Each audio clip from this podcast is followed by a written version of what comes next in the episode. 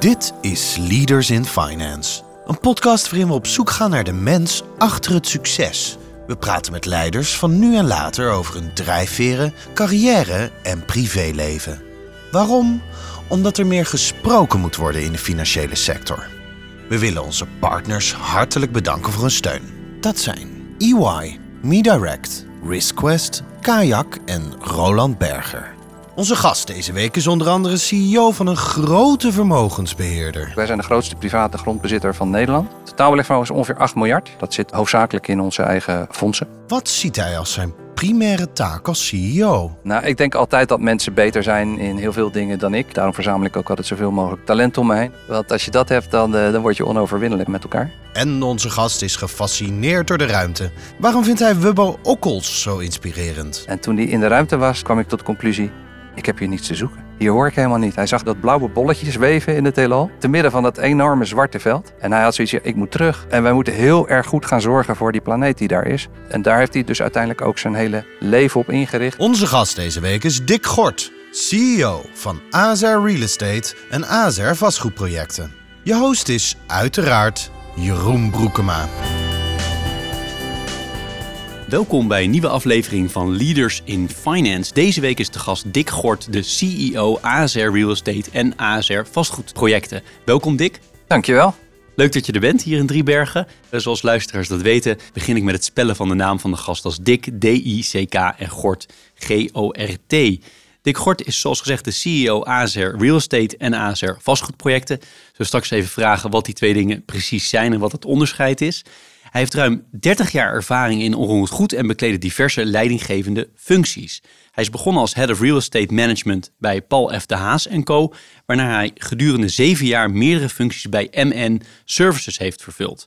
Vervolgens vergeerde hij bijna vier jaar als Head of Office en Industrial Investments bij Achmea Vastgoed, voordat hij CEO werd bij de voorloper van ASR Real Estate. Dick is tot slot 54 jaar oud. Hij is getrouwd, heeft drie kinderen en twee honden en woont in Scheveningen. Nou, dat ter introductie. wat ik leuk zou vinden is om eens even te kijken waar jij nou eigenlijk CEO van bent. Want ik zei al in die introductie, we hebben het over uh, eh, ASR Real Estate en ASR vastgoedprojecten. Dat zijn dus twee verschillende dingen blijkbaar. Ja, dat klopt. En uh, leuk dat je bent, dankjewel. ASR Real Estate is zeg maar de belegger en uh, vastgoedproject is de ontwikkelaar. En voorheen had ASR een uh, grote ontwikkelaar in huis. Dat begon eigenlijk al in de tijd van AMEF, AMEF vastgoedontwikkeling. En uh, op een gegeven moment door overnames is dat een hele grote ontwikkelaar geworden. Niet alleen van woningen, maar ook van commercieel vastgoed. En in 2011 ging de toenmalige uh, CEO met pensioen. En toen werd mij gevraagd, ja Dick, je hebt verstand van vastgoed. Zou je dat erbij willen doen? En toen ben ik eigenlijk CEO geworden van twee bedrijven. bij die ontwikkelaar werkte toen ongeveer 80 FTE, dus dat was een behoorlijk groot bedrijf met heel veel eh, posities en grote projecten. Eh, de markt was heel erg moeilijk en ehm, ASR was eigenlijk zeg maar, net zelfstandig eh, geworden en wilde eigenlijk zo'n positie in die, ontwikkelaar ook af gaan bouwen. Daar had ik eigenlijk een beetje de opdracht gekregen. Hoe bouwen we dat zorgvuldig af? Met respect voor alle posities die we hebben en alle stakeholders die er zijn. En aan de andere kant waren we met het, zeg maar, het beleggingsbedrijf bezig om de boel op te bouwen. Dus dat was een mooie, mooie combinatie waar ik eigenlijk ook wel heel veel zin in had. Dus op dit moment de, de mensen met wie jij werkt zitten niet in de projecten, in de projectontwikkelingskant. Nee, we hebben nog een aantal posities over. Dat zijn vaak grondposities of uh, samenwerkingsverbanden. Daar hebben we eigenlijk nog steeds werk aan. Dat zijn langlopende projecten. Daar hebben we eigenlijk alles uitbesteed. Uh, en zien we met een aantal mensen van Azure Real Estate erop toe dat, uh, dat die projecten goed verlopen. Helder. Ik heb eerder in deze podcast eh, gesproken met Jos Baten en ook met, uh, met Ingrid de Zwart. En wat mij heel duidelijk was, is dat jullie ook, net als veel organisaties, maar zeker, uh, nou, zeker in jullie geval best wel sterk kijken naar de alle verschillende stakeholders. Dat je niet gefocust zijn op één stakeholder alleen. En het is misschien wel leuk om, dat weten luisteraars ook, dat ik graag structureer aan de hand van de verschillende stakeholders om uh, eh, ASR Real Estate eens even neer te zetten.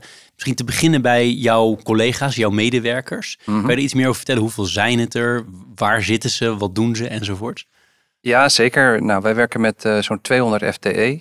Ehm, dat zijn ja, ehm, eigenlijk een heleboel verschillende collega's. En dat komt omdat wij ook best wel breed belegd zijn. Wat we eigenlijk bij ASR Real Estate willen is voor als een institutionele belegger iets wil op het gebied van vastgoed of infrastructuur, dat hij bij ons terecht kan. Dus we hebben eigen fondsen opgezet met Nederlands vastgoed erin. dat zijn er zo'n zes op het moment.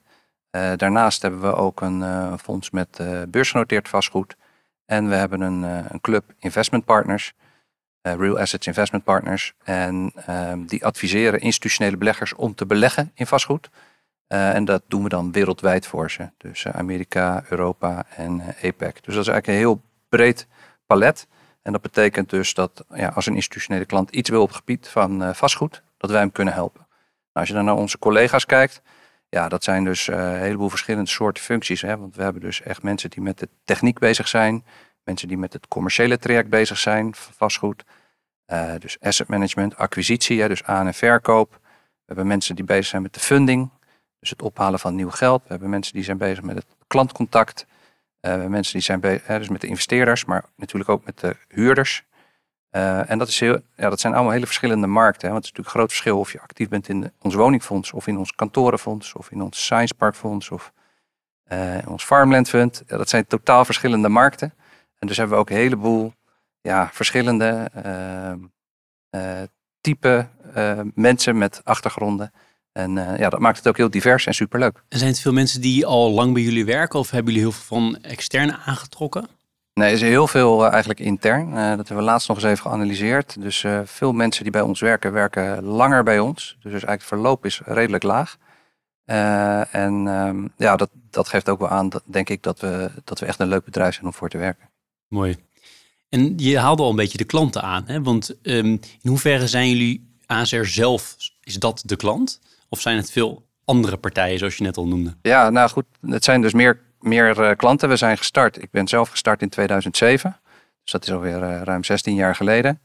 Uh, toen werkten we alleen voor ASR. Dat was eigenlijk de eigenaar. En mijn opdracht was eigenlijk ook om fondsen op te zetten en ervoor te gaan zorgen dat we ook voor derden gingen beleggen. We hadden een vastgoedapparaat en dat, ja, waarom zetten we dat dan eigenlijk ook niet in voor anderen? En dat zijn we gaan doen en dat is eh, eigenlijk best goed verlopen. En inmiddels werken we voor meer, ruim meer dan 30 uh, institutionele beleggers uit Nederland, maar ook uit Europa en Azië. Dus het is eigenlijk een hele brede klantenbasis die we nu hebben. En totaal belegd vermogen? Totaal belegd vermogen is ongeveer 8 miljard. Ja, dat zit dus hoofdzakelijk in onze eigen fondsen. En welk deel daarvan is van jullie en welk deel is van derden? Uh, van die 8 miljard is ongeveer twee derde van uh, eh, ASR en een derde van uh, derde. En daarnaast want hebben we nog het clubje wat ik net noemde, Real Assets Investment Partners. Nou, clubje, dat zijn ook 25 man ongeveer, man-vrouw. En die beleggen nog 6 miljard voor derde. Zo, dus een aardige bedragen. En de beleggingen, je, je zei net even bij het vastgoed, Nederlands vastgoed, maar ook fondsen. Dus dat is indirect ook in vastgoed in het buitenland. Ja, klopt. Uh, nou, traditioneel zaten we dus alleen in Nederland. Uh, wij dachten dat het een goed idee was voor ASR ook mogelijk te gaan spreiden. Toen zijn we gaan denken, ja, waar kan je dan het beste in beleggen? Dus uh, dan kan je beter gaan beleggen in producten en plaatsen die minder correleren met waar je zelf in belegt. En op die manier hebben we daar een studie van gemaakt. En op een gegeven moment gezegd, ja, we zitten bijvoorbeeld in Nederland niet in logistiek. Dus in het buitenland zitten we in fondsen die heel goed zijn in logistiek. Uh, uh, we zitten wat meer in hotels. Dus daar hebben we eigenlijk meer een mix gevonden. En op die manier zijn we gestart met het opbouwen van een Europese vastgoedportefeuille voor ASR. En wat ik heel interessant vond, want ik moet je eerlijk zeggen, een paar jaar geleden wist ik dat nog niet. Mm toen leerde ik dat jullie een van de, of misschien zelfs de grootste niet-overheids eigenaar zijn van, van grond in Nederland. Klopt dat? Eerst even ter verificatie. Ja, nee, dat klopt denk ik wel, ja. Nou, dat zeggen wij ook. Wij zijn de grootste private grondbezitter van Nederland. Veel mensen halen dat wel een beetje in de war met ontwikkelingen. Want die denken, ja, dan heb je dus heel veel grond waar je allemaal gebouwen op kan bouwen. Uh, dat is het niet. Het is landbouwgrond. En uh, wij willen een veilige verpachter zijn. Dus wij willen er met name zijn voor de boeren. Um, dat die hun beroep kunnen uitoefenen en voor een uh, ja, gezonde uh, inkomstenbron kunnen creëren voor zichzelf. En wat, wat is er dan nu? Er is natuurlijk ontzettend veel aan de hand aan die, met die landbouwgrond en met de, met de boeren. Er worden natuurlijk ook veel boeren uit, uitgekocht. Is dat, heeft dat veel impact op jullie?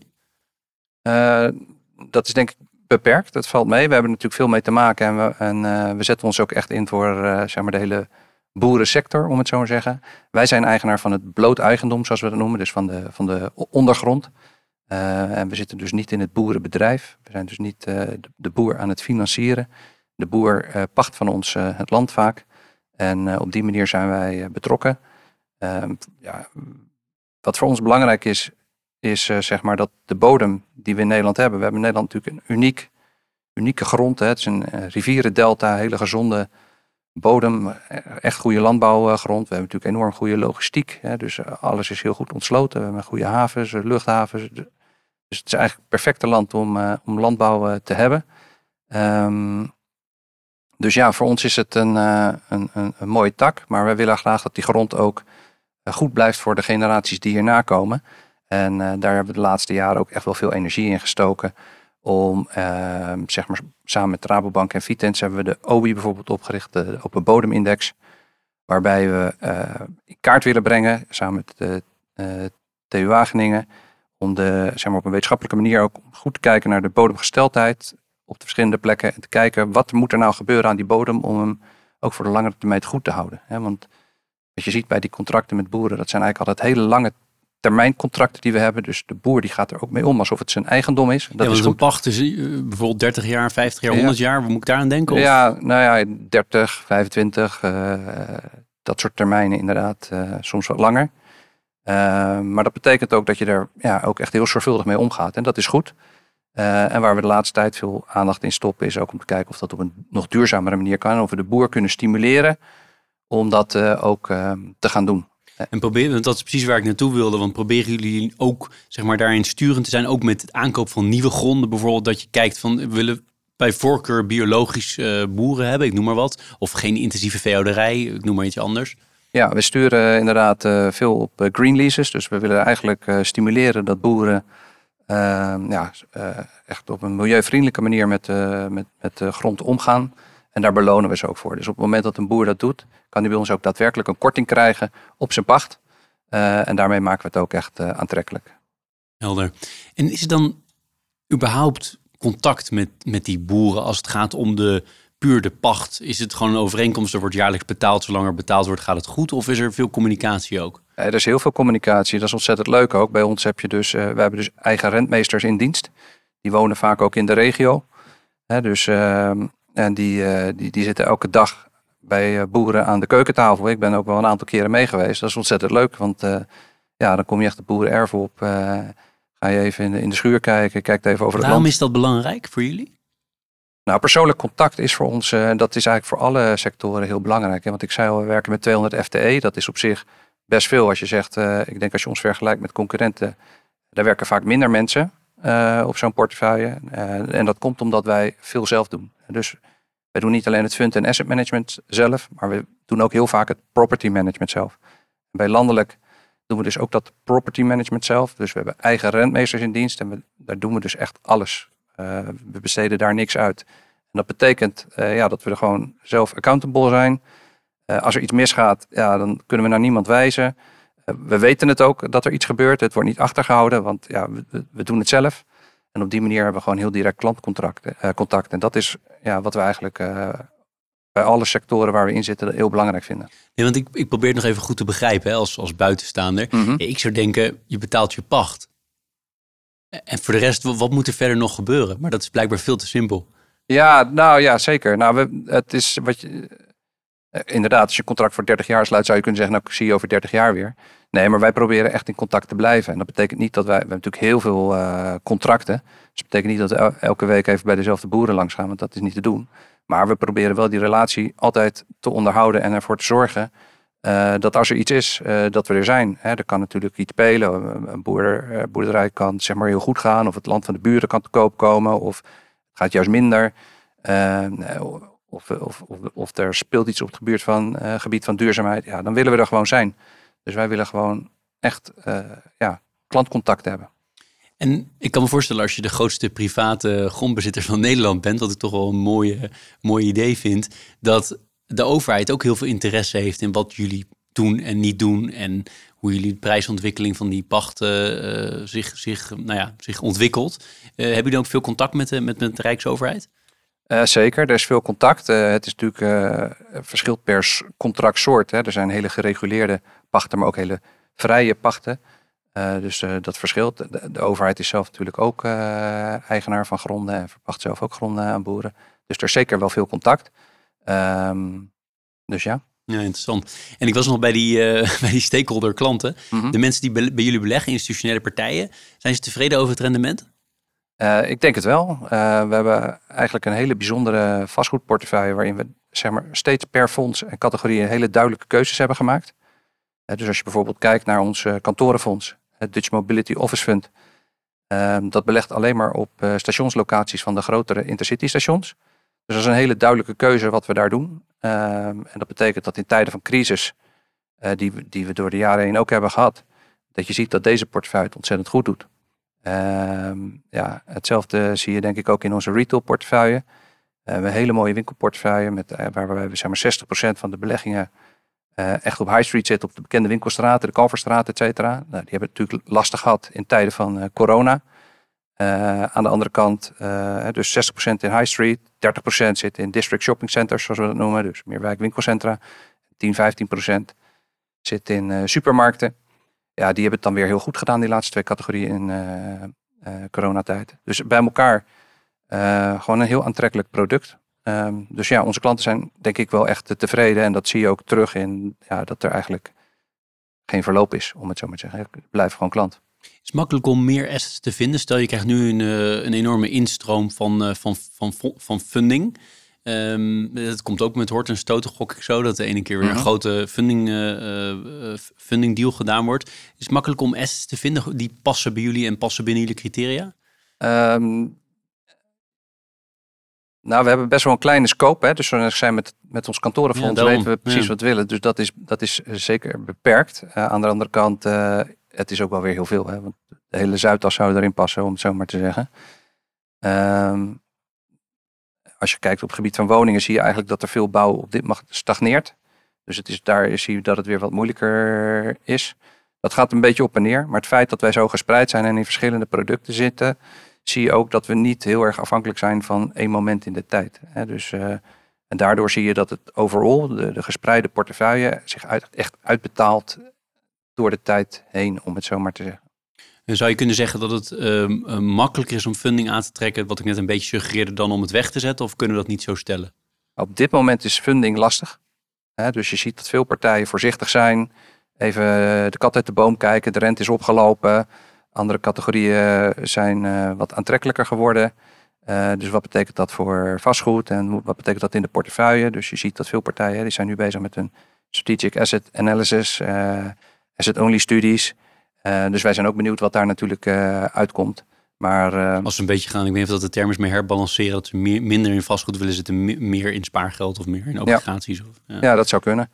En ja, wat wij dan natuurlijk hopen is dat ze inderdaad tevreden zijn over wat ze bij ons bereikt hebben. En uh, veel vertrouwen in ons hebben dat ze bij ons uh, natuurlijk klant uh, blijven.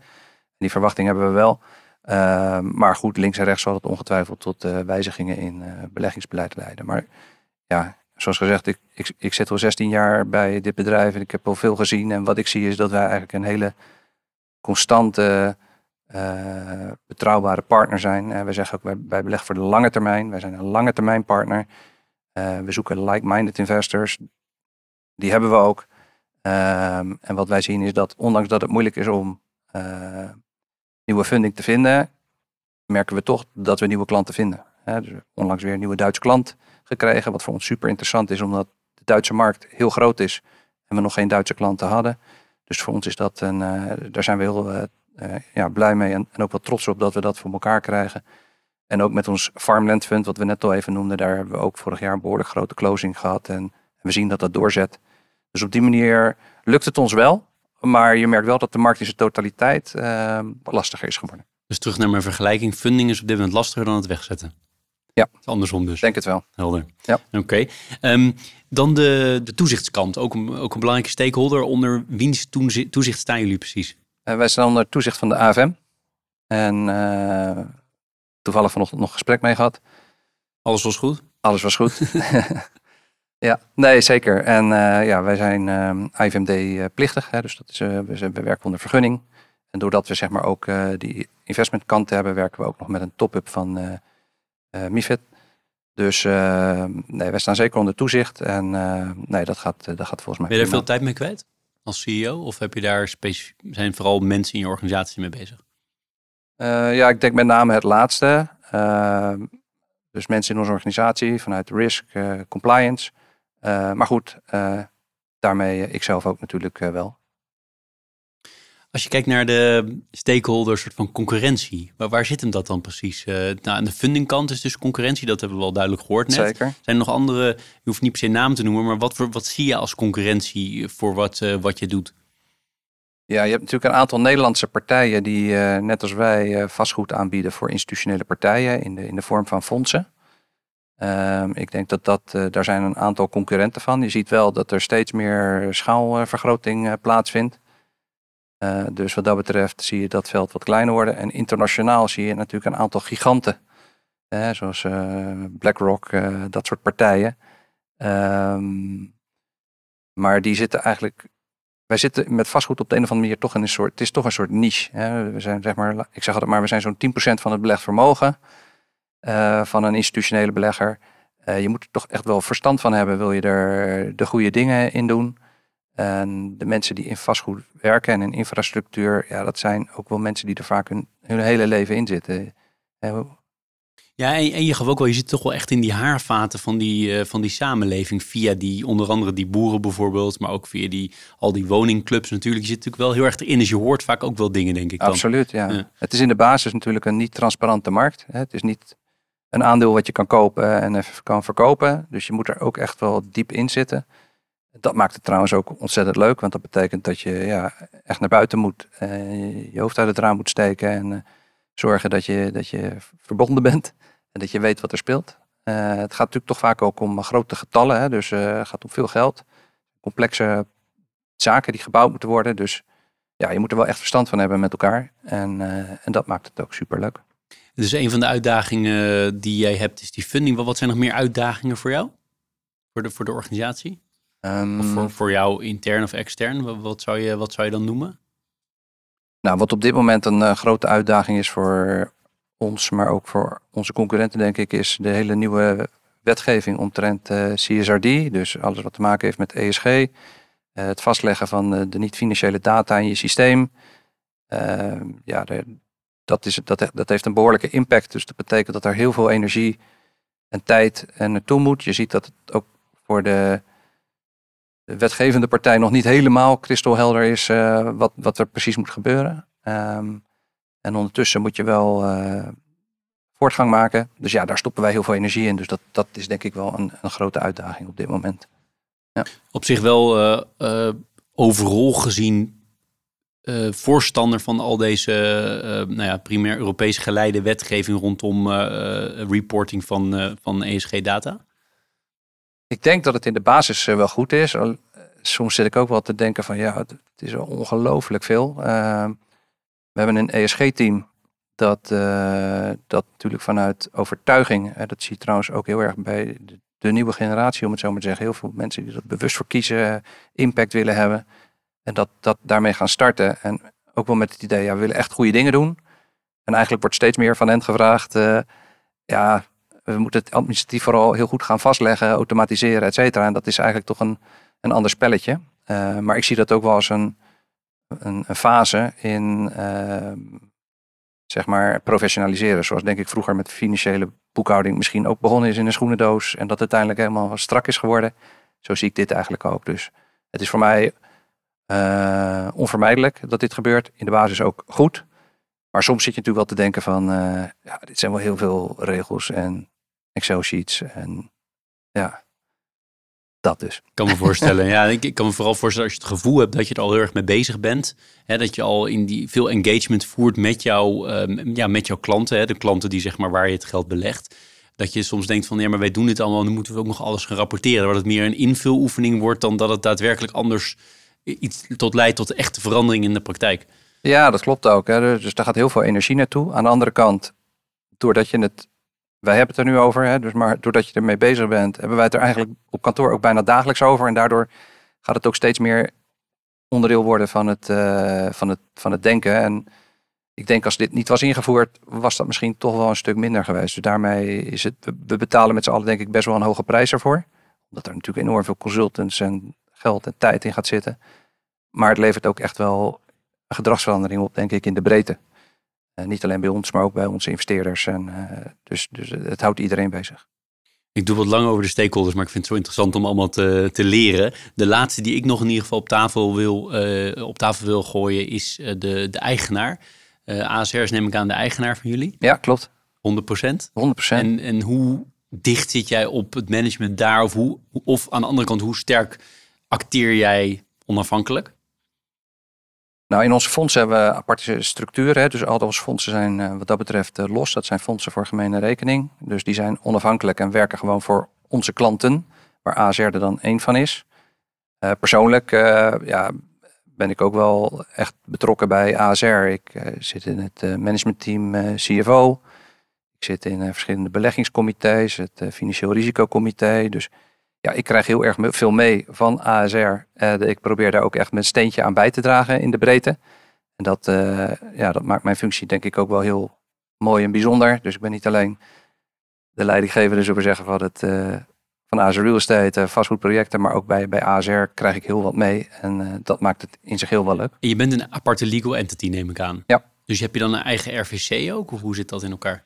nee, we hebben geen RVC. We hebben wel beleidsbepalers. En dat dat ben ik samen met mijn uh, uh, nieuwe collega Michiel Kroot. Dus hij is niet nieuw, hij werkt al heel lang bij ons sinds 2011, maar hij is net uh, de nieuwe CFO geworden.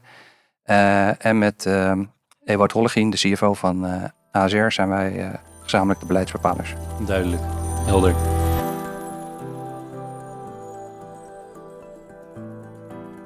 Je bent volgens mij in 2007 begonnen, zei je eerder in, in het gesprek. Dat was een bijzondere tijd, crisistijd, of niet? Ja, absoluut. Het was, nou, het was eigenlijk. Uh, ik ben 1 april 2007 begonnen en dat was eigenlijk uh, ja, perfect. Was, uh, de wereld het kon niet beter. De, de bomen groeiden tot in de hemel. Was echt geweldig. dus ik zat er nog niet zo lang. En zeg maar 2008 had je dan natuurlijk Lehman Brothers.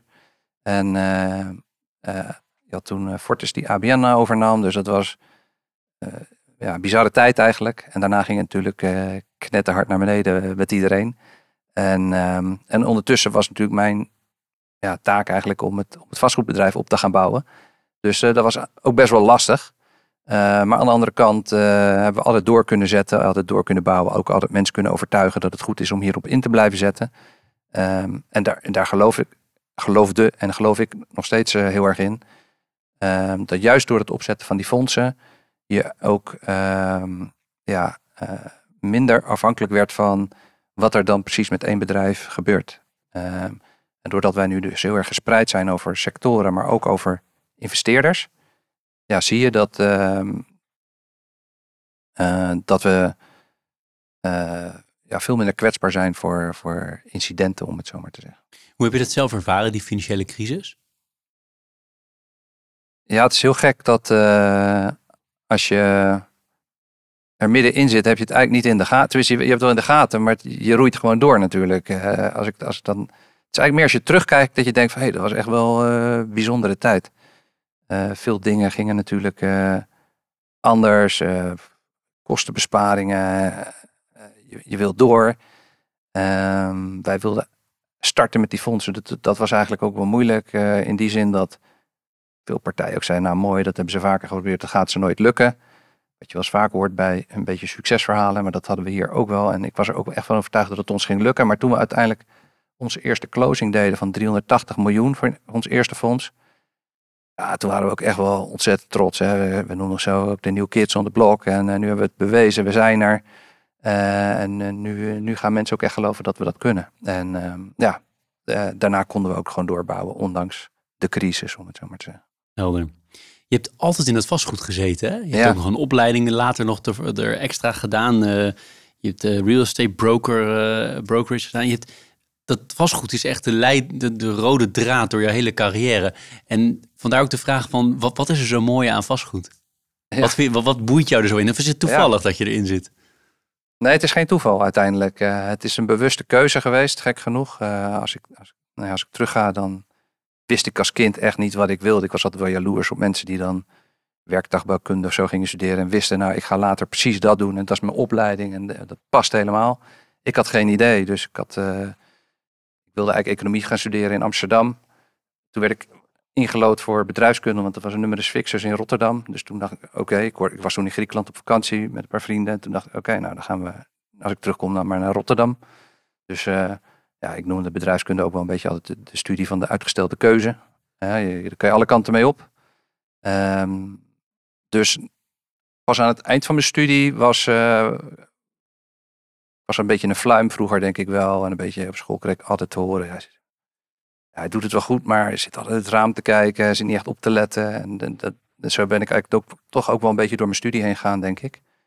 En eh, helemaal aan het eind van mijn studie, veel van mijn vrienden gingen beetje beginnen bij bedrijven als eh, Unilever, eh, Shell, KPN, eh, Procter Gamble. En ik was zelf de, ik had dan de marketing management variant genomen, omdat ik eigenlijk heel erg geïnteresseerd was. Eigenlijk dacht dat ik heel, ik vond reclames altijd heel erg leuk vroeger. Dus zeg maar, ehm, kon ik ontzettend om lachen om een goede reclame.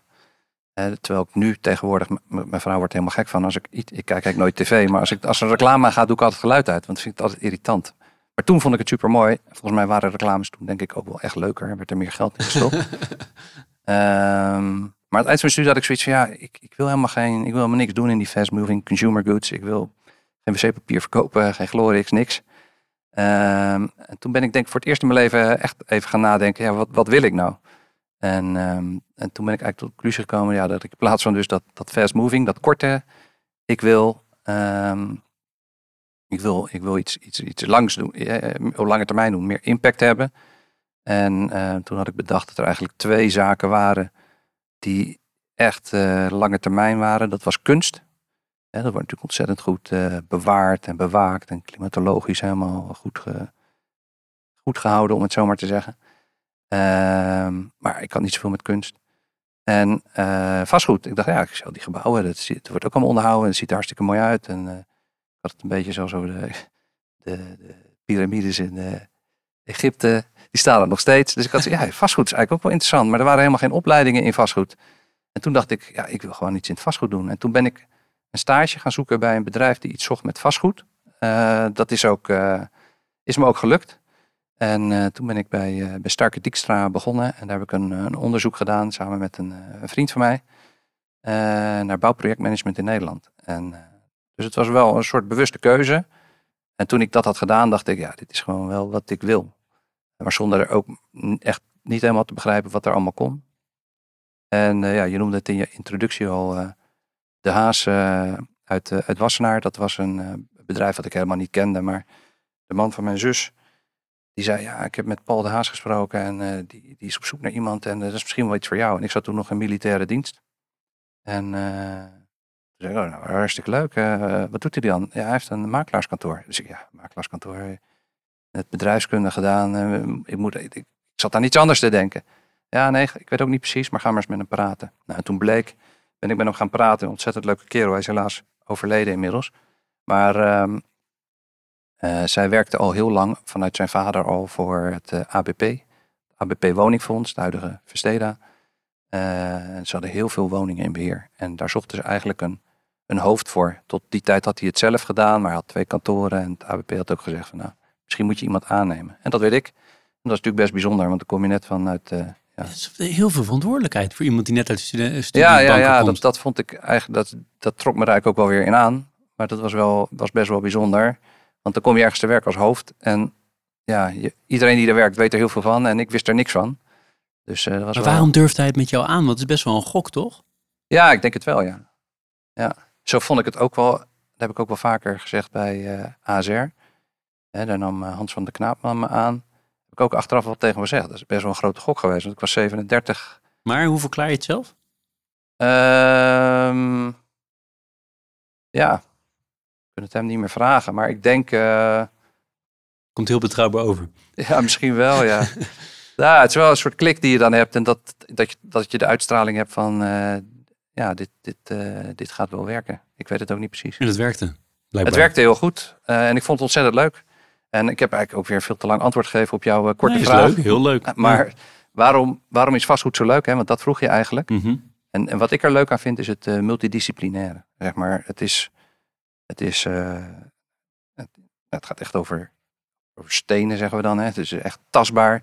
Je moet onderhandelen, je moet rekenen, je moet uh, verstand hebben van recht. Hè. Dus het is heel juridisch, het is fiscaal vaak. het gaat over mensen, je moet het samen doen. het is teamwork. je hebt verschillende disciplines nodig.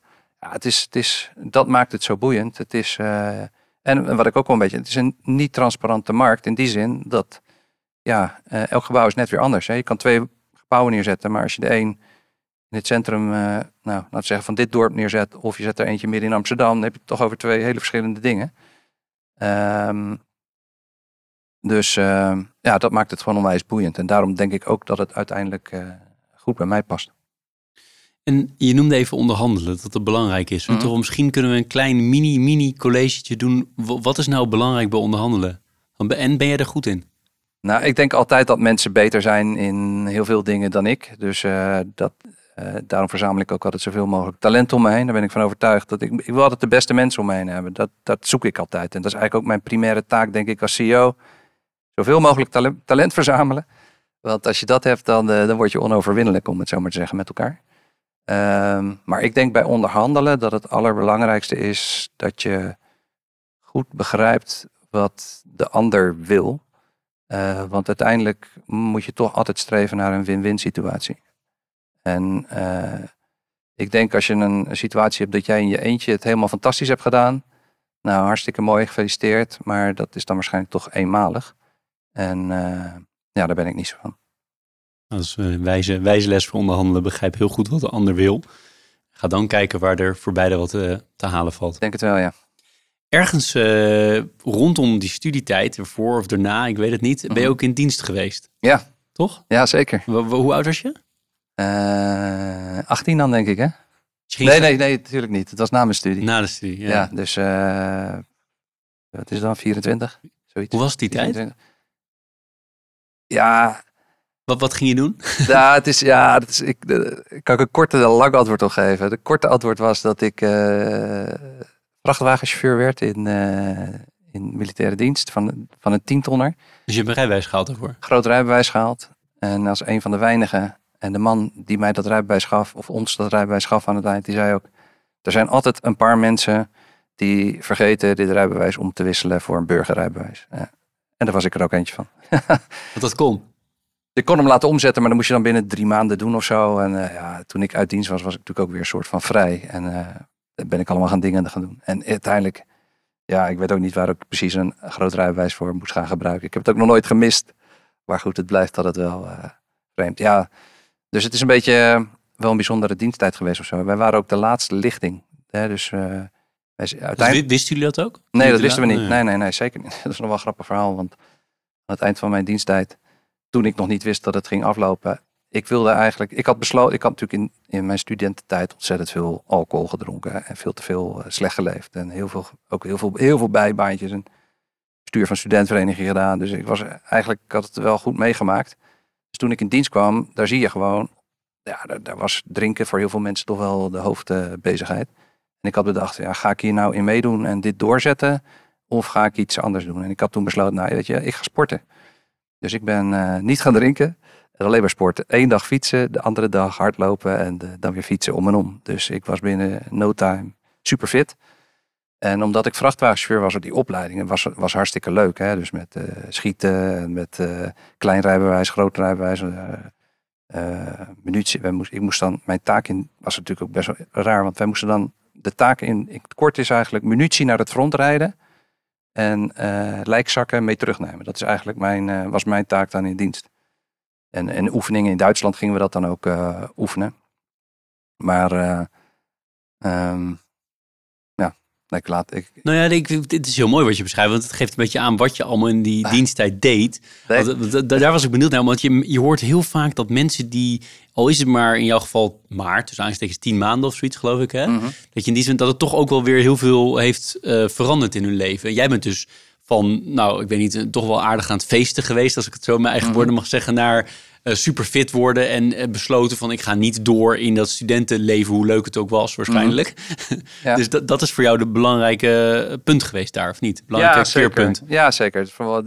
Dus ik ben hem anders gaan insteken. En dat wilde ik eigenlijk vertellen aan het eind van die diensttijd. Was ik dus ook bezig op een gegeven moment van als je dus zeg maar uh, op wacht moest staan, wij moesten ook op wacht staan. Als je dan de wacht van iemand anders overnam, dan kreeg je daar dubbel zoveel vrije dagen voor. Dus ik had op een gegeven moment, en ik heb altijd wel heel veel energie. Ik hou ervan om gewoon uh, door te gaan, om het zo maar te zeggen. Ik kan echt uh, daar veel, dat, vind ik leuk. En dat gaat me goed af. Dus ik had ook bijna van iedereen uit mijn peloton zijn wacht overgenomen. En soms achter elkaar.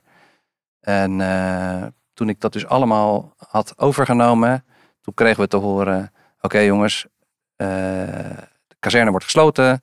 Jullie mogen allemaal dienst. We hebben alleen nog onze wacht, dus die moeten we nog afmaken. En daarna stoppen we. Dus ik had eigenlijk voor niks alles overgenomen. Maar dat heb ik dan toch maar weer gedaan natuurlijk. Ja. Waar, waar zat je kazerne? Uh, Nunspeet uiteindelijk. Nunspeet, ja. oké. dat was voor jou ook een hele nieuwe omgeving dus. Ja, zeker. Midden in de bossen, fantastisch mooi. Maar uh, ja. Heb je nog vrienden overgehouden?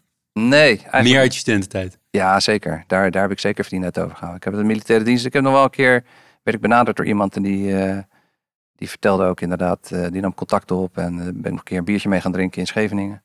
maar ik was hem eigenlijk helemaal vergeten. Dus dat is ook wel weer wonderlijk dat je dan soms ja, heel intensief met mensen omgaat en dan eigenlijk ook dat weer kan vergeten. Is sport belangrijk voor je gebleven? En was het als kind ook belangrijk voor je? Want je bent toen heel intensief gaan sporten, of was het alleen toen?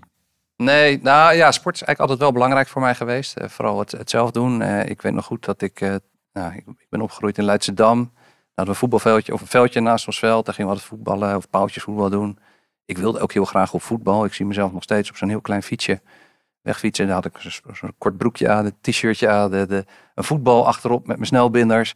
Dat ik dan dacht, oh, nu denken mensen echt, hij zit op voetbal. Dat is zo grappig. Maar ik wilde heel graag op voetbal. Ik ging uiteindelijk op judo en later in Voorschoten, um, daar verhuisden we naar, um, ging ik uh, op hockey. Uh, dat vonden mijn ouders toch beter voor mij op de een of andere manier. En uh, heb ik uiteindelijk ook nooit spijt van gehad. Maar ik ben later toch nog wel een keer op voetbal gaan. Omdat ik dacht, ik wil ook gewoon echt voetbal. Dat vond ik ook super mooi. Vond dat, vond ik ook heel leuk. Maar uiteindelijk, nee, sport is wel voor mij belangrijk. Ik vind het wel heel leuk. En ik heb later last gekregen van mijn knie. Dus toen kon ik niet meer hockeyen en niet meer hardlopen. Met name dat hockey vond ik echt jammer. Um, maar ja, nu ben ik aan het kitesurfen. Dat vind ik ook super mooi. Dat gaat wel met de knie. Ja, gaat heel goed. En snowboarden ook. Dus uh, dat gaat eigenlijk prima. Mooi. Ja. Wil je iets delen over hoe je bent opgegroeid? Je noemde al iets, maar nog even iets verder uh, uitbreiden. Wat voor soort gezin, wat deden je ouders enzovoort? Ja, zeker. Nou, mijn, uh, mijn vader was, ehm, is geboren in Amsterdam en heeft eh, economie gestudeerd en is, was directeur bij een adviesbureau op het gebied van transport en logistiek. Mijn moeder was onderwijzeres. Ja, mijn ouders zijn eh, wel echt uh, christelijk, uh, gereformeerd. En hebben ons eigenlijk ook zo'n opvoeding gegeven. Dus wij gingen op zondag naar de kerk. En ik zei altijd tegen mensen, ja nee, maar wij waren wel heel relaxed hoor. Wij konden alles doen op zondag ook en dat maakt allemaal niet uit. Maar als, je, als ik er even over na zit te denken, dat betekende wel dat we voor het eten werd er even gebeden. Na het eten werd er een stukje uit de Bijbel gelezen. En na het avondeten werd er ook nog even weer gebeden. Dus ik ochtends, of als ik als klein kindje naar bed ging, dat zijn wel die eerste jaren. Maar dan kan ik me wel herinneren dat ik samen met mijn moeder even mijn knieën voor het bed lag, zat. En nog even een gebedje moest doen. Dat kan ik nog zo opdruinen. Uh, en uh, wij gingen dus op zondag uh, naar de kerk. En als mijn oma van mijn vaders kant er dan was, die kwam uit Drenthe. Dus die kwam niet zo vaak. Maar als ze kwam, dan moesten we smiddags ook nog naar de kerk. Twee keer op zondag. Ja, ik werd helemaal gek. Ik, dat was echt helemaal niks voor mij. Dus als ik in zo'n kerk zat, dan zat ik alleen maar orgelpijpen te tellen en glas in de lood eraan. Ik zat ook helemaal niet te luisteren. Daar heb ik achteraf ook wel een beetje spijt van. Want denk ik, ja, je zat er toch. Hij had even naar die, die dominee geluisterd. Die heeft een preek gehouden. Die had ongetwijfeld goed over nagedacht. Had je in ieder geval iets van kunnen oppikken. Maar ik kon daar als kind... Je gaat nu niet meer naar de kerk? Nee, nee, nee. Ik, heb op ik denk dat het om het twaalfde of zo is. Heb ik toen tegen mijn ouders gezegd. Ja, ik, dit, dit kan ik niet. Dit is, dit is niets voor mij. En uh, tot mijn grote verrassing zijn mijn ouders, oké, nou dan niet. Maar dat verwacht je niet, toch? Want het best, nee, best gereformeerd, is best wel streng, toch? Ja, nou, ze waren, ik zeg wat ik nu ook, ja, ik zeg, ze, ze waren niet streng. Maar het is wel, was meer wat ze deden. Uh, maar ze waren verder, waren we echt helemaal vrij om alles te doen en te laten wat we wilden. Maar ik, ik bedoel... Je hoefde vanaf je twaalfde dus al niet meer mee? Ik hoefde niet meer mee. Dus ik, ik was zelf ook verbaasd. Maar daar ben ik ze nog wel dankbaar om, want daar hebben ze me wel een groot plezier mee gedaan. En mijn vader gaf me, nou, inmiddels alweer een tijdje geleden nog wel. Ik ben, ik ben wel heel, erg geïnteresseerd gebleven altijd in het heelal en het ontstaan van het heelal en hoe zit dat dan? En, dus dat, daar zit misschien toch iets uh, ja, spiritueels in, om het zo maar te zeggen. Nou, niet echt spiritueels, maar hoe, op zoek naar een soort verklaring van hoe komen wij, hè, hoe komen wij hier nou met elkaar met z'n tweeën in deze kamer terecht. Uh, de kans is natuurlijk nul als je het uitrekent, maar het is wel zo. Mijn vader gaf me op een gegeven moment een boek over ja, de, het samengaan van, zeg maar, de ontdekking van het heelal en alles wat daarmee te maken heeft. En, de, en zeg maar meer religie, kerk ja, ik, ik, ben toen wel in dat boek begonnen, maar ik heb het nooit uit kunnen lezen. Ik had zoiets van, ja, nee, ik heb toch niet zoveel met die kerkelijke kant. Uh, ik geloof heb je broers en zussen? Ja, oudere broer en een oudere zus. Dus die... Uh, zijn ze ook, hebben ze jou gevolgd in jouw Nee, nee, nee. Ik was het derde kind. Hè, dus het derde kind is natuurlijk altijd wat meer rebellerend dan de, de eerste twee. Dus ik denk dat, dat dat toch voornamelijk in mij zat. Ja. ja. Heb je nog dingen meegemaakt in je jeugd, van nul tot weet ik veel, tot je studententijd uh, of dat je van, van school ging die veel impact op je gehad hebben? Nou, veel impact op het gezin heeft is geweest dat mijn broer op zijn zevende eh, ziek werd op vakantie. En daarmee hersenschade opliep en daardoor eigenlijk een beperking heeft opgelopen. Dat heeft wel een wissel getrokken op ons gezin. Um, aan de andere kant ook weer niet. En dat, mijn moeder is overleden. Ik heb het haar nog wel verteld wel vaker, maar ook vlak voordat ze overleed. Van ja, ik vind het zo knap dat jullie daar zo, ze zijn er zo goed mee omgegaan. En ik heb nooit het gevoel gehad dat dat ten koste van mij of mijn zus of, of wie dan ook ging. Want daar ging natuurlijk, moest natuurlijk wel veel aandacht naar uitgaan. Ehm, dus daar heb ik, ja, ik heb daar nooit, uh, ja, ik heb daar nooit last van gehad, om het zo maar te zeggen. Maar dat heeft natuurlijk wel een wissel getrokken, denk ik, op gezin. Maar mij persoonlijk dus niet. In die zin. Ehm, en anders, ja, wat, uh, kijk, het, het, mijn dochter is nu uh, twintig, zij woont thuis. En ik probeer haar eigenlijk te stimuleren van, joh, ga nou op kamers, ga naar een andere stad toe. En de, uh, want ik heb er zelf zo van genoten. en niet omdat ik het thuis niet goed had, want ik had het thuis ook heel erg goed. Maar het is zo fijn om dan je vleugels uit te slaan, vrijheid te hebben, te kunnen doen en laten wat je wil. En eigenlijk, ja, dat levert zoveel op. Dus dat gun ik eigenlijk uiteindelijk ook iedereen. En dat is dat is natuurlijk ook wel vervelend en frustrerend aan deze woningmarkt. Dat je hoort dat heel veel mensen het huis niet uitkomen omdat ze gewoon geen goede woonplek vinden. Ja, dat is wel echt zonde. Want, daar uh, weet je alles van. Ja, zeker. Kunnen jullie daar nog iets aan bijdragen? Ja, zeker. Dat proberen we ook. Door, dat zie ik trouwens ook als een, van de grote verantwoordelijkheden die wij hebben hè, op het gebied van. We, zijn een grote vastgoedspeler. We hebben veel vastgoed. We, hebben veel investeerders achter ons staan.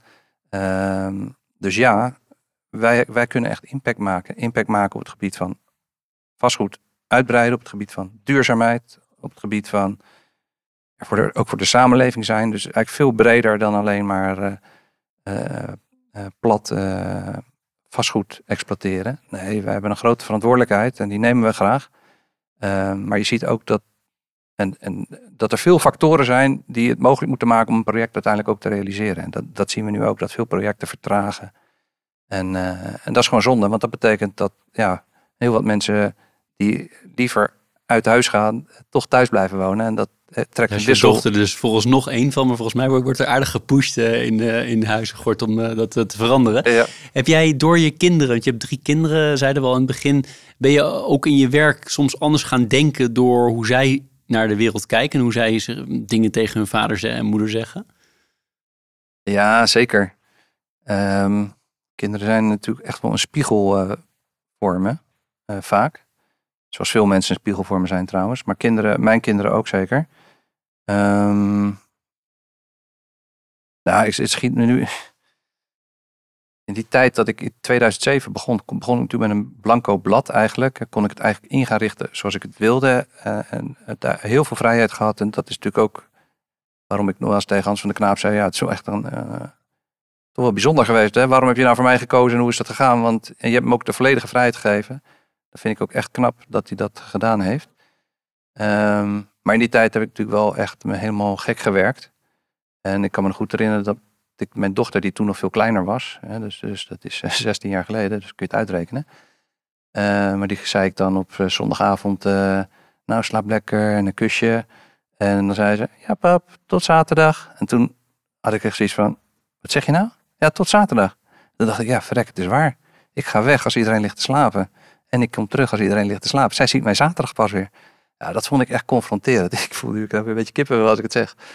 Ehm, dus dat, eh, dat, soort, dat soort momentjes eh, denk je wel van ja, wacht even. Eh, dat, dat neem je wel even mee. Maar wat heb, je, je ook iets veranderd toen? Of, En mijn vrouw zei altijd als ik, als ik dan thuis was, en dan zat ik, in die tijd was volgens mij nog Blackberries. En dan zat ik thuis, het, kwam, dan kwam ik en dan zat ik toch weer snel op dat ding natuurlijk. Omdat dat ding, dat rode lampje ging natuurlijk altijd branden. De Crackberry heb ik wel eens een keer een artikeltje over Crackberry, gelezen. ja. Toen zei ze ook, ja, ik vind het niet erg als je er niet bent, maar als je er bent, moet je er zijn. En toen dacht ik, ja, dat is wel- die heb ik altijd wel onthouden. fair enough. En, eh, en, en dus daar heb ik wel geprobeerd mijn gedrag op aan te passen. Maar ik word er soms nog wel eens op aangesproken, maar ik probeer er echt wel mijn best voor te doen. Ik probeer in het weekend ook echt te zijn.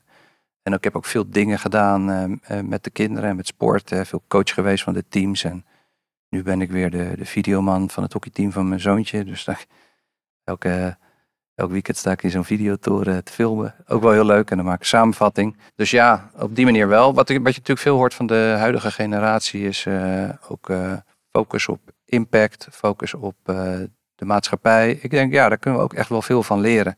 Ik kom ook wel een beetje uit de tijd, het beetje, hoe heet dat boekje van Jan Kuitenbrouwer, Turbotaal, de jaren tachtig. Het was natuurlijk allemaal eh, knallen en eh, heel commercieel. En nu zie je dat er toch een veel evenwichtiger beeld ontstaan. En ik denk ook dat dat goed bij mij past.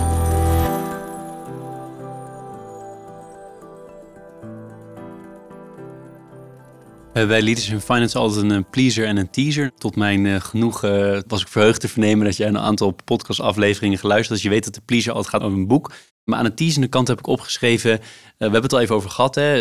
jullie zijn met, met, met ASR Real Estate de grootste private grondbezitter. Nu vroeg ik me af, het hoeft niet per se over jullie te gaan.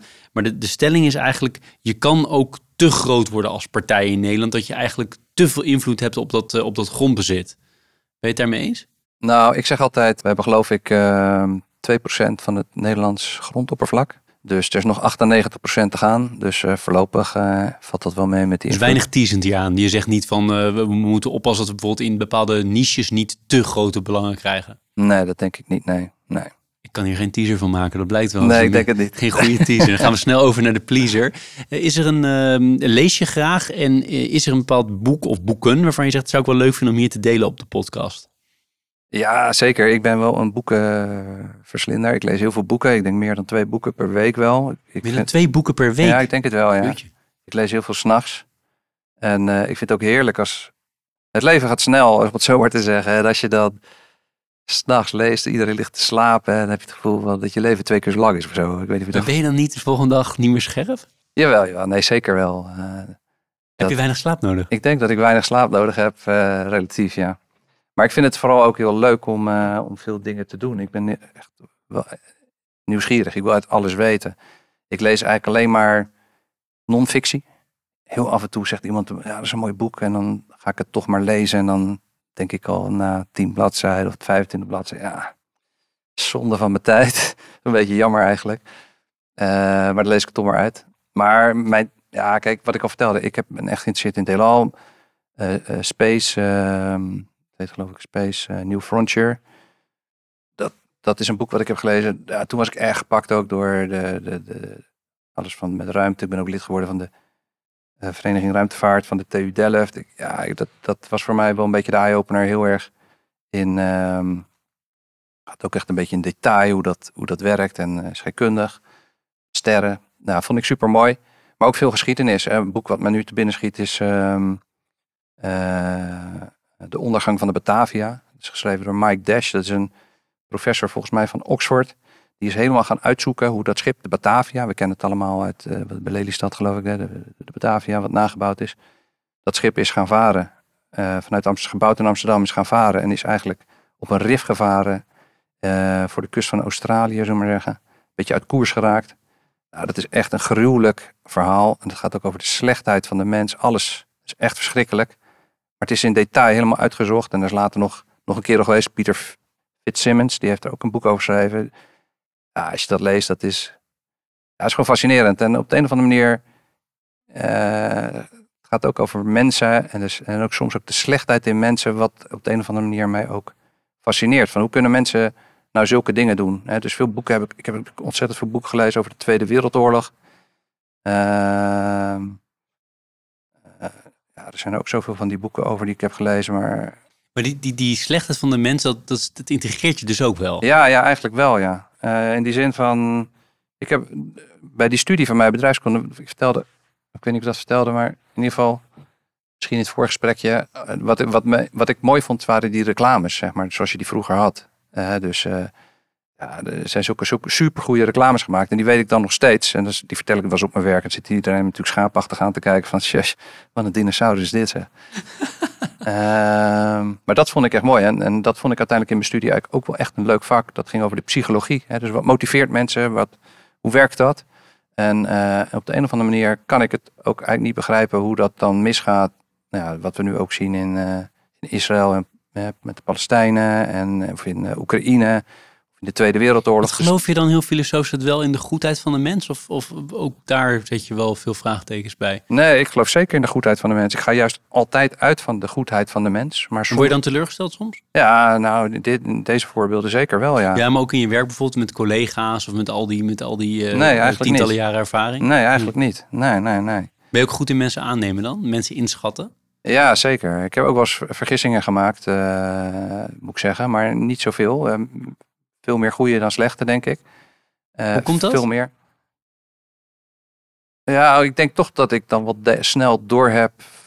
Of wat ik al zei, ik ben altijd op zoek naar talent. Dat vind ik ook trouwens leuk aan sport. En ook bij mijn kinderen. Of überhaupt eh, kijken naar sport. Eh, vroeger wilde ik het vooral zelf doen. Maar ik vind het heel mooi om naar talent te kijken. Ehm, ja, dat zoek ik in mijn werk ook. Dus ik denk dat ik, dat ik toch vaak wel vrij snel door heb van ja, dit, dit gaat werken. Leuk. Maar soms gaat het mis. Ja, nee. dan moet je Nee, Als herstellen. je nooit een miswaar hebt, dan zou het wel iets... eh, neem je te weinig risico waarschijnlijk. Zeker. Schiet me nog een boek te binnen. Leuk. Ja, dat boek werd me getipt door Chris Vigé, eh, de CFO van eh, KPN. dat heet Red Notice. Ja, dat, dat is ook echt een geweldig boek. Dat is Bill Browser heet de man. Hij heeft het zelf geschreven. En hij is, dat is ook echt gebeurd natuurlijk. Zijn vader was vakbondsleider in de Verenigde Staten. Eh, en Amerika was toen de tijd ook best wel anticommunisme. Dus dat was een beetje gevoelig. Hij was een slimme jongen. Ging ook solliciteren bij een paar van die grote banken. Maar zodra ze zijn achternaam hoorden en dacht, wacht even, dit is, dat, dat is toch niet de zoon van. Werd hij gewoon niet aangenomen. Dat is natuurlijk ook wel verschrikkelijk. Eh, uiteindelijk werd hij wel aangenomen in, eh, ik geloof bij JP Morgan in Londen. Maar hij wilde de Oost-Europa tak op gaan zetten. Want dat was helemaal niet. Het had een beetje de tijd van perestroika en de, zeg maar, het vallen van de muur, et cetera. En hij is toen die tak gaan opzetten. En daar is hij heel, heeft hij een hedge fund opgezet. Is heel groot geworden. En eh, heel succesvol. Eh, hij had een advocaat, een vriend van hem, Sergei uh, Magnitsky. Die, ehm, eh, die kwam op een gegeven moment een fraude op het spoor met oligarchen. Waar ook Poetin zelf bij betrokken was. En uiteindelijk is die kerel opgepakt, gemarteld en uiteindelijk doodgemarteld. En dat was zijn vriend. Eh, en hij was heel succesvol, maar hij raakte uiteindelijk ook helemaal in de problemen daar. En eh, uiteindelijk is hij zich gaan ontwikkelen tot eigenlijk mensenrechtenactivist. En eigenlijk dat hele vermogen wat hij had opgebouwd, dat, daar ging het hem niet meer om. Het ging hem erom, hij moest het recht doen voor zijn vriend. En daar is uiteindelijk de Magnitsky Act- ook uit eh, voortgekomen. Waardoor de Verenigde Staten nu ook ja, mensen op een zwarte lijst kunnen zetten, visa kunnen tegenhouden, geld kunnen afpakken van, van grote boeven. Eh, ja, is ook een fantastisch boek. Ja, nee, het is een indrukwekkend verhaal. Bill Browder inderdaad. Browder, zo heet het, ja. Ja, mooi. Ehm, nog even terug naar die, of eh, weer door naar die andere eh, vraag. Maar bedankt voor deze toevoeging over boek. Hartstikke um, een mooi, mooi verhaal ook. Ehm, tips voor starters op de arbeidsmarkt. Dat heb ik alle CEO's gevraagd. Die, die verzamel ik. Mhm. Dus ik ben benieuwd wat jij daaraan kan toevoegen. Wat ik denk ik heel belangrijk vind en wat ik zelf ook wel heb moeten leren. Ik weet nog, toen ik studeerde had ik er denk ik wel meer last van. Dat je toch te snel tot een oordeel komt en een mening over iets hebt. En toen ik studeerde was iets ook heel snel goed of fout. En, en gaandeweg kom je erachter dat het allemaal natuurlijk veel genuanceerder en vaak complexer ligt. En het ook veel leuker is en dat je ook een veel leuker mens maakt. Als je, als je gewoon een open perspectief houdt. En eh, nou, zoals Frank Zappa zei, eh, life is like a parachute. If it doesn't open, it doesn't work of zoiets. zoiets in, in die trant zei hij. Dus je, je moet je, je geest open hebben. eh, en dat is denk ik eh, belangrijk. Dus niet te veel van tevoren al weten hoe het zit. Of iets willen klassificeren of goed of fout of links of rechts. Eh, nee, hou je vizier open. Luister goed. En ja, volg je hart. Dat is denk ik toch een beetje wat werkt. Nee, daar kan me heel erg iets bij voorstellen. Je bent eh, begin 50. Dus je kan, eh, nou je kan sowieso werken tot wanneer je wil natuurlijk. Maar in ieder geval eh, zal het waarschijnlijk nog, nog wel tien jaar zijn. Of nou ja, hoe, ik weet hoe je daarnaar kijkt. Volgens mij vind je je werk heel wel. leuk hè, als ik je zo beluister. Maar wa- waar zie je jezelf? Want waarschijnlijk 2007, 2007 had je niet gedacht dat je 16 jaar later hier nog zou zijn. Nee, zeker ik. niet. Dus waar, wat zou je graag nog willen doen? Wat voor soort dingen? Ah, een onwijs goede vraag. Ik weet nog goed toen een vorige leidinggevende bij mij op een gegeven moment bij MN tien jaar werkte, kwam die met taart aanzetten. Toen begon ik keihard te lachen. Ik zei, hoe kan je nou tien jaar ergens werken? en toen inmiddels werk ik hier dus ruim 16 jaar. Ja, het kan eh, raar lopen. Ja, wat, eh, wat zou ik, ehm, wat zou ik nog willen doen? Ja, ik, ik hou van de vastgoedmarkt, dat vind ik gewoon ontzettend leuk. Eh, ik hou van de mensen die er werken. Het is heel divers, heel communicatief. Dus ik denk dat ik wel actief blijf in de vastgoedmarkt. Wat ik zelf ontzettend leuk vind trouwens, is alles wat met high-tech te maken heeft, innovaties. Eh, we hebben met ons Science Park Fund samenwerkingsovereenkomst met de TU Delft, waarbij we voor scale-ups een gebouw hebben neergezet. Ja, dat, dat is zo bijzonder om te horen waar die mensen mee bezig zijn. We waren de laatste, was een jongen, ook ontzettend leuk. Ik ben even de naam van zijn bedrijf kwijt. Maar die maakt een randje voor op een windmolenblad. En wij hebben ook windmolens. En dat zorgt ervoor dat die windmolen eh, geluidsarmer wordt. En eh, dat scheelt, eh, ik geloof, eh, nou, een- flink aantal decibel. Maar omdat dat logaritmisch is, hij zegt, zei hij, ik heb het niet gefact-checked, wat tegenwoordig ook moet. Ehm, maar dat is eigenlijk hetzelfde als dat die, die windmolen 500 meter verderop staat. Nou, dat, dat, dat, nee, Immens. Dat betekent dat je hem op heel veel plekken meer kan neerzetten. Ja, dat, dat heeft echt impact. Of, of dat het veel stiller wordt dan waar die nu... Ja, dat is dus... Ja, dus dat, vond, dat vind ik fascinerend. Daar kan ik echt wel van genieten. Want dat soort eh, Mooi, mensen die met dat soort dingen eh, bezig zijn. Dat komt een aantal keer terug in dit gesprek. Hè? Het he- heelal, de, de, de tech- technische kant van dingen, die boeit je ook weg. Terwijl je juist aan die bedrijfskundige kant, de financiële kant werkt. Ja, Maar ben jij dan ook iemand, eh, misschien wat vreemde vraag, maar ik ga hem toch stellen. Die als je de, de middelen daarvan zou hebben en je zou de kans krijgen om eh, op een eh, ruimtevaart naar de, de maan te gaan, dat je dat zou doen? de maan zou ik zeker doen, ja. Ja, Mars niet, denk ik. ik, Wat de kans klein is dat je terugkomt of anderszins? ik heb een keer, een, eh, zat ik bij de autodealer, las ik een verhaaltje. Notabene, ik geloof in, het, in, het in eh, zo'n magazine van, dat van dat automerk waar ik dan, die ik dan had. En er stond een verhaaltje in met eh Wubbe Okkos, toen nog leefde. En zoals gezegd, ik was best wel gefascineerd. Ik dacht, hey, Wubbe Okkos, interessant. En die, die, vertelde dus een verhaaltje daarin. Dat hij eigenlijk zijn hele leven in het werk heeft gesteld om astronaut te worden. En eh, dat is hem uiteindelijk ook gelukt. Wat eigenlijk uniek is, want wie wordt dat nou? Ik bedoel, hoe groot is die kans? Hij werd het. Ging omhoog. Hij ging de ruimte in. En toen hij in de ruimte was, kwam ik tot de conclusie: ik heb hier niets te zoeken. Hier hoor ik helemaal niet. Hij zag die blauwe, dat blauwe bolletje zag hij zweven in het heelal. Te midden van dat enorme zwarte veld. Met af en toe witte puntjes. Maar één blauw bolletje. En hij had zoiets, ik moet terug. En, ik, en wij moeten heel erg goed gaan zorgen voor die planeet die daar is. En, dat, en daar heeft hij dus uiteindelijk ook zijn hele leven op ingericht. Hè, met zijn elektrische bus toen al. En, zijn, en zijn, de, boot die hij heeft gemaakt. Nee, dus ja, dat, dat vond ik ook fascinerend. Dus, eh, maar de maan zou ik zeker naartoe gaan. Want dat, dat lijkt me toch ook wel eh, heel gaaf. Ik zou zeker instappen. Moet ik wel thuis even overleggen, denk ik. Want eh, mijn vrouw moet dat ook wel een goed idee vinden. Dat is wel interessant aan jou, hè? want aan de ene kant, eh, je werkt in de financiële sector, is veel risico, eh hè, avers gedrag nodig ook, gelukkig maar. Hè? Je bent daar natuurlijk voorzichtig in, er moeten allemaal contracten zijn, en, nou, financiële sector kortom, eh, zwaar gereguleerd. En aan de andere kant zit ook een beetje die ontdekkingsreiziger in jou, die, Ja, juist wel risico wil nemen. Ja, zeker. Dus je bent blijkbaar niet bang om in zo'n ruimte, ding te gaan, ruimteschip te stappen en naar, naar de maan te gaan. Nee, nee, nee. Dus, Maar dus ik, waar hou zit ook, meer? ik, ik hou ook wel van risico hoor. Ja. Vind ik ook wel Oh, leuk. kitesurfen, het is wel grappig. Je hebt twee kanten dus, of niet? Ja, denk het wel, ja. Maar ik, als ik dan naar mijn werk kijk, ik wil het vooral ook heel erg goed doen. Ik wil zorgen dat we de beste zijn en dat we uiteindelijk het beste leveren voor de maatschappij, voor onze investeerders. Eh, dus die motivatie zit er ook achter. hè. Ik, ik ben wel iemand die graag de lat hoog legt. Eh, we moeten het echt met elkaar, met elkaar doen en samen. En als we dat voor elkaar hebben, met het goede talent aan boord, ja, dan, dan zijn we onoverwinnelijk. Dus, eh, maar we doen dat dan ook wel heel zorgvuldig. Hè? Dus dat is inderdaad wel een beetje duaal. Daar heb je wel gelijk in, denk ik. Interessant. Ehm, even om te voorkomen dat, ik, eh, dat luisteraars denken, jij heeft een vraag gesteld, maar heeft niet echt duidelijk antwoord. De toekomst? Oh. Deo Volente, hè? om het maar even zo te zeggen, als Ja. alles goed met je gaat. wa- Wat zijn dingen die je graag zou doen? Zou je bijvoorbeeld graag ergens commissaris worden in de vastgoedwereld? Of zou je misschien nog CEO willen worden van een ander vastgoedfonds? Of je, je geeft wel aan, ik vind dat vastgoed heel boeiend. Daar, de grote kans dat ik daarin blijf, daar weet je ook natuurlijk alles vanaf.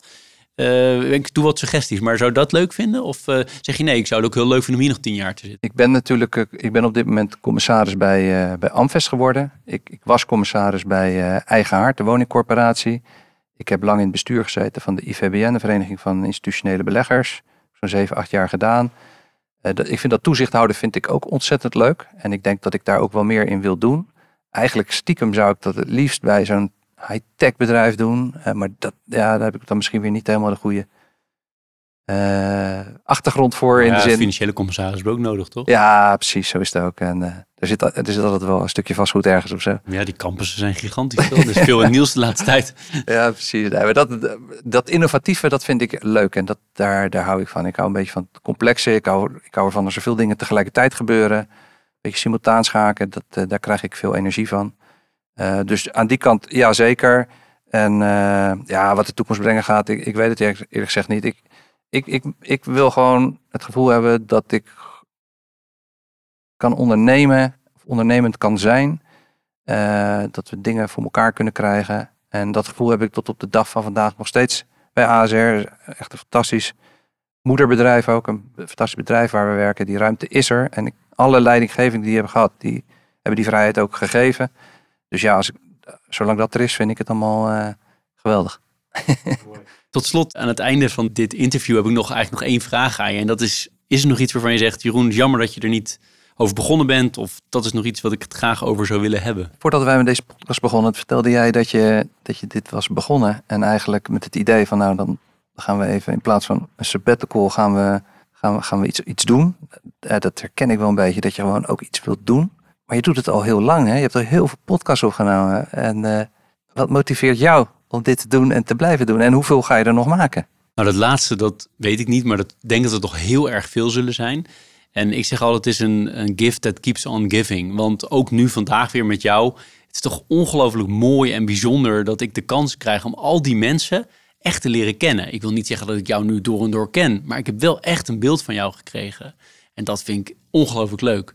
Het persoonlijke vind ik heel boeiend, maar ook het zakelijke. En juist die combinatie spreekt me heel erg aan. Dat je een, een soort van allround beeld krijgt. En ook, kijk, toen je hier binnenliep, ik zou nooit hebben kunnen bevroeden dat he- het heelal iets is wat jou heel erg intrigeert. Nou, dat vind ik geweldig om naar te luisteren.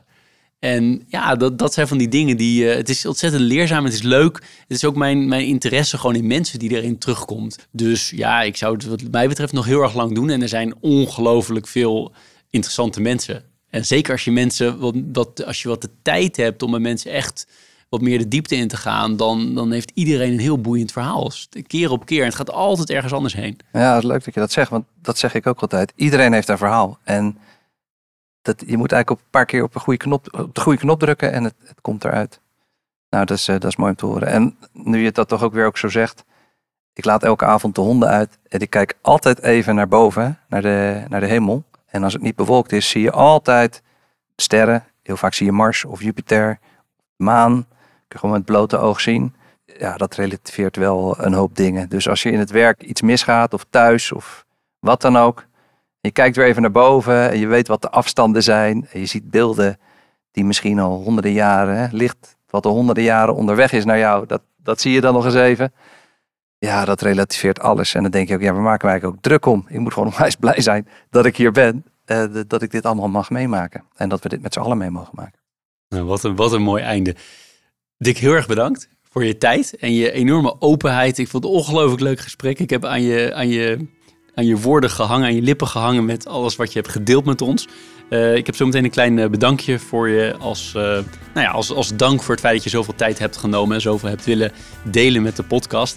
Ik ga jou eh, volgen Uh, zowel ASR Real Estate, maar ook misschien nog wel meer uh, wat jij nog allemaal uh, gaat doen. en nogmaals, veel dank. Ontzettend bedankt Jeroen voor de, de uitnodiging. En ik vond het ook super leuk om jou te leren kennen. Dit was Leaders in Finance. We hopen dat je deze aflevering met veel plezier hebt beluisterd. We stellen je feedback erg op prijs. Wat houdt je bezig en over wie wil je meer horen? Laat het weten via een Apple of Google review. Dat kan ook via de sociale mediakanalen of direct via een e-mail. We kunnen het enorm waarderen als je dat doet. Tot slot danken we onze partners voor hun steun. Dat zijn EY, MeDirect, RiskQuest, Kayak en Roland Berger. Tot de volgende Leaders in Finance en bedankt voor het luisteren.